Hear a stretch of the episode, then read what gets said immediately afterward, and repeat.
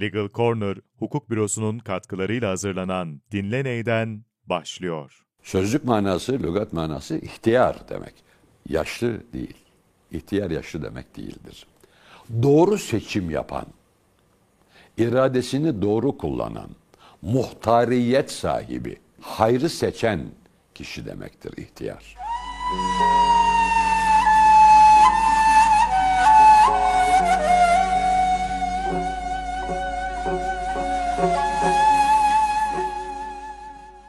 Vakti şerif hayrola, hayırlar fethola, şerler defola diye söze başlarsak, bütün tasavvuf ekollerinde kullanılan gülbank, yani mürettep dua, tertip edilmiş özel duanın müşterek giriş sözlerini söylemiş oluruz. Bu aynı zamanda bir selam ifadesidir. Yani selam olsun. Yani evvel selam, bade kelam. Efendim çocukluğumuzda kısadır diye sadece o açıdan bakarak öğrendiğimiz hakikatte Kur'an'ın kalbi gibi olan İhlas suresi var malum. Bir de Fatiha'yı hem dua niyetine hem bir işin başlangıcının hayırlı olması niyetiyle hem de sure niyetiyle okuyoruz. Allah Fatiha-i Şerif'te ne olduğunu anlatıyor. İhlas-ı Şerif'te hem ne olduğunu hem ne olmadığını anlatıyor. Bismillahirrahmanirrahim. Elhamdü hamd şudur ki lillahi Allah'a aittir. Ne, kimdir o Allah? Yani nedir? Rabbil alemin. Alemlerin Rabbidir. Rahmandır. Rahimdir. Din gününün sahibidir. Kelime öyle ama biliyorsunuz din kelimesi dal, ye, nun harfleriyle yazılır. Din. Yani D, Y, N bugünkü alfabeyle. Dünya dal, nun, Y. Yani aynı harflerle yazılır. Dolayısıyla din gününün sahibi değil sadece, dinin de dünyanın da sahibi odur. Maliki Yevmiddin. Ve sadece ondan yardım istenip sadece ona sığınılır. Yardım istenecek ve sığınılacaktır. O dua ederiz ki bizi doğru yola sevk etsin. Yani böyledir Allah.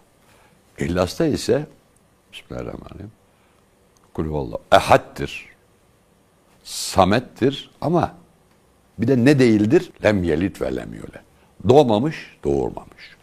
Yani bir varlığın ne olduğunu ve ne olmadığını doğru bellememiz lazım geldiği bu iki surede de satır aralarında veya satır altlarında bize öğretilmiş. Şimdi Hazreti Mevlana kimdir, nedir ve ne değildir konuşalım. Tabi bir sohbet hududuna, zamanına sığmayabilir. Biz evvela nedirden başlayalım isterseniz. Kısmet olursa ne değildir'i de bir başka sohbette konuşuruz. Biliyorsunuz e, her zaman söylediğimiz şeriatsiz tarikat olmaz. Olursa ben yaptım oldu kabilinden batıl olur. Ha tarikatsız şeriatte atıl olur. O bir ayrı bahis. Dolayısıyla bir tarikat kurucusu sözü fevkalade yanlıştır. Tesis edene, müessis sözü de yanlıştır. Çünkü daha önce de söylemiştik, tarikat turşu değildir, kurulmaz. İçtihat yapılır. O içtihada gönül verip, akıl verip, kabul edenler dahil olurlar. Gönül ve akıllarını vermeyenler dahil olmazlar. Dolayısıyla Hazreti Mevlana da Mevlevilik yolunun müçtehididir. O ayrı bir bahis. Fakat şeriatsız olmaz dedik ya. Bu bahis hiç konuşulmuyor maalesef. şunu arz etmek istiyorum. Belgeli, delilli olarak. Malum Hz. Mevlana'nın ahirete doğumu 1273 miladi yılıdır. Kendisinden tam 100 sene sonra 1373'te Kahire'de vefat etmiş. Abdülkerim Kureyşi namında bir tabakat müellifi. Bugünkü kullanılan lisanla biyografi yazarı vardır. Bu zatın bir kitabı var. Cevahiril Mudiye fi Tabakatil Hanefiye. O kitapta yani 1373'te vefat ettiğine göre 1370 yılına kadar diyelim. Hz. İmam-ı Azam'dan 1370 yılına kadar gelen Hanefi fakihlerin yani İslam hukuku bilginlerinin biyografileri yazılı.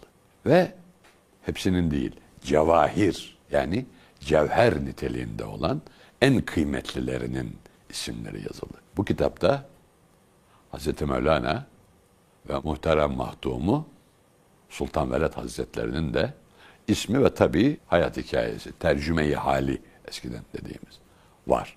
Yani Hz. Mevlana bir Hanefi fıkıh, İslam hukuku alimidir. Başkalarının yazdığı kitaplara girecek kadar. Bu ne demek? Bu şu demek. Hz. Mevlana çok önemli bir İslam hukukçusudur demek. Birincisi bu. Şeriatte, fıkıh ilminde, cevher değerinde yüksek bir alimdir. Oğlu da öyle. Peki Sultanül Ulema lakaplı babası o kitapta niye yok? Çünkü Sultan Ulema Bahaddin Veled Hazretleri fıkıh ilminde değil, tefsir ilminde alimlerin sultanıdır. İslam ilimleri birbirinden ayrı ayrı kanallarda tetkik ediliyor malum. Bir kere Hazreti Mevlana'nın böyle bir büyük şeriat alimi olduğunu çoğumuz bilmiyoruz. Bir kere öyledir. Ve çok yanlış bir şekilde işte şairdi, şuydu, buydu falan. Hazreti Şems-i Tebrizi ile karşılaşıncaya kadar medrese mollası. Ondan sonra büyük bir aşık. Allah nasıl uyduruyorlar bunu bilmiyorum. Biraz okumak lazım. Biraz, çok değil.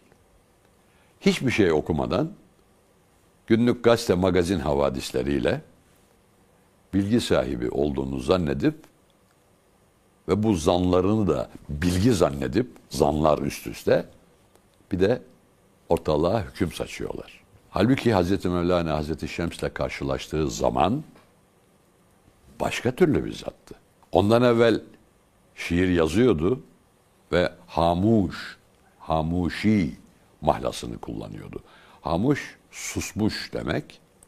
Hamuşi susanlardan, susmuş olanlardan biri demek. Tabi Sultan Ulema Hazretlerini de tanımamız, bilmemiz lazım. Hz. Mevlana'nın pek muhterem, pek kıymetli pederi alisi Bahaeddin Veled Hazretleri, Necmeddin-i Kübra Hazretlerinin içtihadını yaptığı Kübreviye tarikatının, malum tarikat çok çoğul bir kelimedir ama Türkçe'de tekil olarak da kullanılır. Tarik yani Kübrevi tarikının dediğimiz zaman pek anlaşılmıyor ama tarikat dediğimiz zaman anlaşılıyor. Yani tekil olması lazım gelen kelime çoğul olarak kullanılıyor ama o lügatte ama anlayış bakımından tekil. İşte Necmeddin Kübra Hazretlerinin iştihadını yaptığı Kübreviye tarikatının şeyhlerindendir. Hem Behte yani Hz. Mevlana'nın doğduğu yerde ki medresede büyük bir tefsir alimi olarak herkese ders vermektedir ve aynı zamanda bir kübrevi şeyhidir. Hz. Mevlana da babasının oğlu. Alim babasının talebesi, şeyh babasının dervişidir. Ve Konya'ya geldikleri, yani işte malum Malatya, Erzincan, Halep, falan Konya, Karaman'dan sonra geldiler. Alaaddin Keykubat Hazretlerinin Canım hükümdara da mı Hazret? Evet. Alaaddin Keykubat Hazretleri özel olarak incelenmesi gereken çok önemli bir devlet başkanımızdır. Ve en tepede iken Selçuklu'nun vefatıyla beraber adeta Selçuklu bitmiştir. Zirvedir. Ama önemli olan ilme hizmetidir. Sultan Ulema Hazretleri'ni müteaddit davetlerle Karaman'dan Konya'ya davet edip de Sultan Ulema Hazretleri bu davete icabet ettiğinde Konya'ya girdiğinde, şehre girdiğinde öyle terbiyeli, öyle ilme hürmet eden bir zat-ı şerif ki Alaaddin Keykubat Hazretleri Sultan Ulema Efendimizin elini, eteğini, ayağını öpmüyor. Atının üzengisini öpüyor. Yani bastığı yeri öpüyor. Ve vefatında kendi şahsına ait bugünkü Hazreti Mevlana Külliyesi'nin olduğu yer has bahçe. Yani padişahın şahsi bahçesi. Selçuklu padişah. Şahsi bahçesini Sultan Ulema Hazretlerine defin yeri olarak terk ediyor. Ondan sonra malum ailenin ve Hazreti Pir'in yakınlarının kabristanı oluyor. Sonra dergah oluyor filan. Yani Konya'daki Mevlevi Asitanesinin ilk, tabi her şeyin sahibi Allah onu biliyoruz da, dünyadaki dergahtan evvelki hal, e, halinin maliki Alaaddin Keykubat Hazretleri. İşte Konya'ya geldikleri zaman Hazreti Pir ve ailesi, babası, kardeşi vesaire yine babasının dervişi, yine babasının talebesi ve tabi oğlu. Ve seyri sülük denen manevi yolculuk, kemale doğru olan yolculuk ki belli safhalar içerir, kemalin sonu yoktur. Dolayısıyla bir yere geldim denmez seyri sülükte. Ama gerek esma yoluyla olan seyri sülüklerde, diğer yollarla olanlarda belli duraklar vardır. Bunların bir kısmı sadece o yola müntesip olmak, o sürüden sayılmak, bazılarına o sürüde çobanlık yapmak vazifesi verilir. Bazılarına idari hizmet vazifesi verilir vesaire. Kurumsallaştığı zaman değişir. Ve bir durak olan halifelik durağına henüz gelmemiş babasının sağlığında. Ve Sultan Ulema Hazretleri ahirete doğunca Sultan Ulema'nın yetiştirdiği ama Kayseri'de ikamet eden Seyyid Burhaneddin Muhakkik Tirmizi Hazretleri Konya'ya gelip biat tazelemek diye bir kurum var. Tarikat kurumunda biliyorsunuz.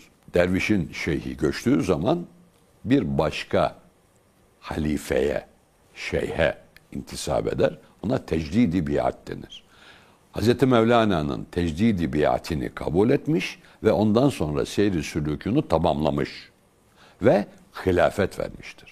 Yani Hz. Şems'ten önce Hz. Mevlana, Hz. Şems'le karşılaşmalarından önce Hz. Mevlana Sultan Ulema Bahaddin Veled'in Kübreviyeden dervişi, Sultan Ulema'nın bir halifesi olan Seyyid Burhaneddin'den de hilafet almış bir kübrevi şeyhidir.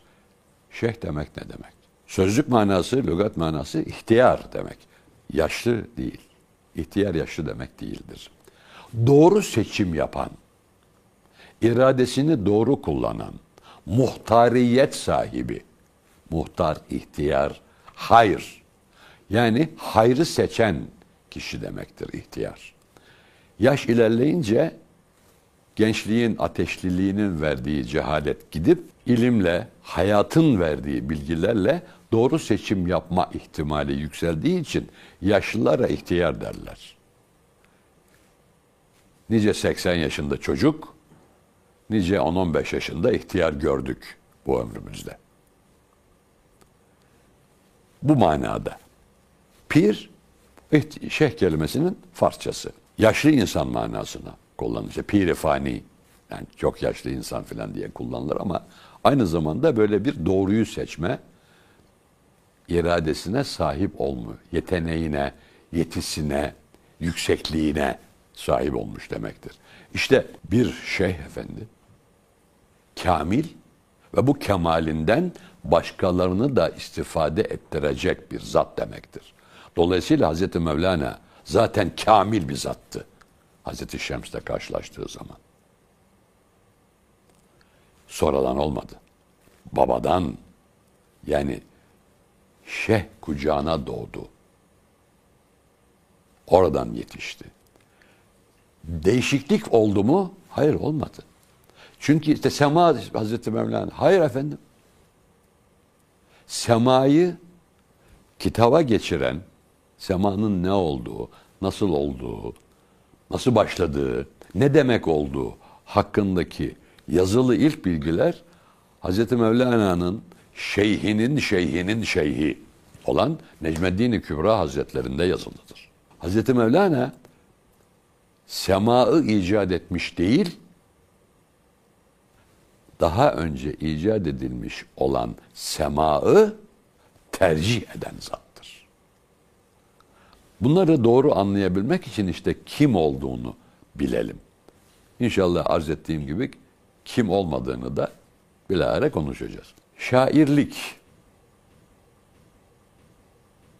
Bakın ahenk insanın aklına ve gönlüne hitap eden özel bir kurumdur.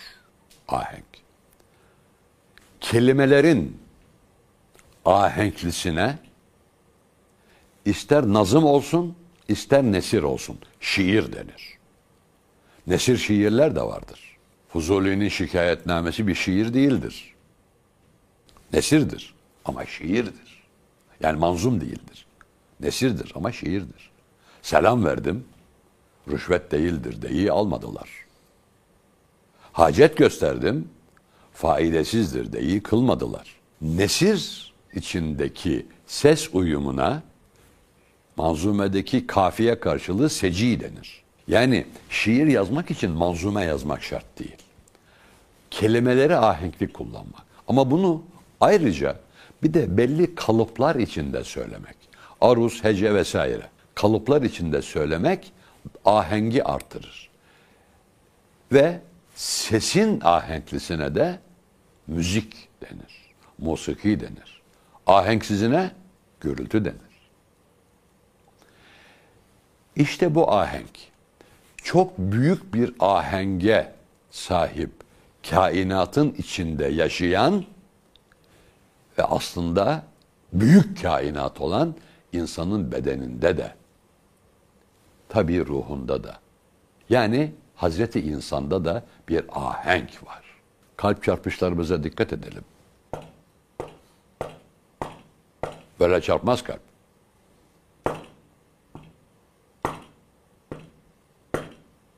Diye çarpar. Değil mi? Bu bir ahenktir. Kan deveranı bir ahenktir. Nefes alıp verme, sindirim vesaire. İşte bu ahenkle hem ahenk olununca söz ve musiki ile söylenen sözler akılda daha kolay kalır. Kolay ezberlenir. Onun için Hazreti Mevlana buyururlar ki biz bu diyara geldiğimiz zaman yani Konya'dan bahsediyor. Buranın ahalisinin ahenge daha yatkın. Çünkü bir baş şehir. Ahmet Hamdi Tanpınar'ın buyurduğu gibi bir payitaht ebeden payitahttır. İşte Konya bir payitaht olduğu için oranın ahalisi de daha ahenkli, daha medeni yaşayan insanlar olduğu için onların bu ahenkten istifadeyle sözlerimi daha rahat kavrasınlar, anlasınlar ve ezberlesinler diye şiirle bu sözleri söyledim diyor. Oğlu Sultan Veled Hazretleri diyor ki çi, şiir çi başet. Şiir nedir ki ben onunla meşgul olayım? Benim şu ara fenninden diğer bir fennim var. Yani sözleri ahenkli dizmek şairlerin bir ilmidir. Benim ilmim başka. Yani bu da babasının kopyasıdır.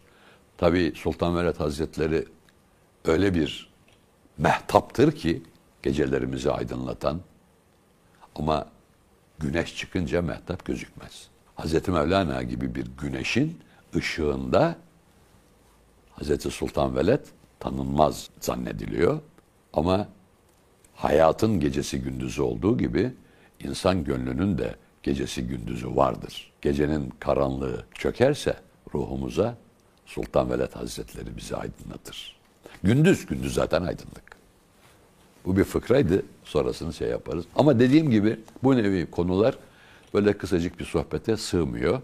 İşte Hazreti Mevlana bu kadarcık arz etmiş olalım. En azından büyük bir Hanefi fıkıh alimi kitaplara geçecek kadar fıkıh alimi olduğunu öğrenmiş olmamız bile onun ne olduğunu öğrenmemize bir fayda temin edecektir.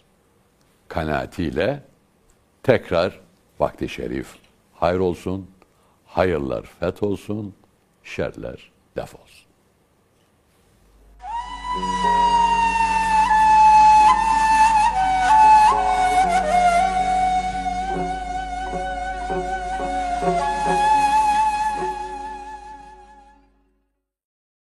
Legal Corner Hukuk Bürosu'nun katkılarıyla hazırlanan Dinle Ney'den sona erdi.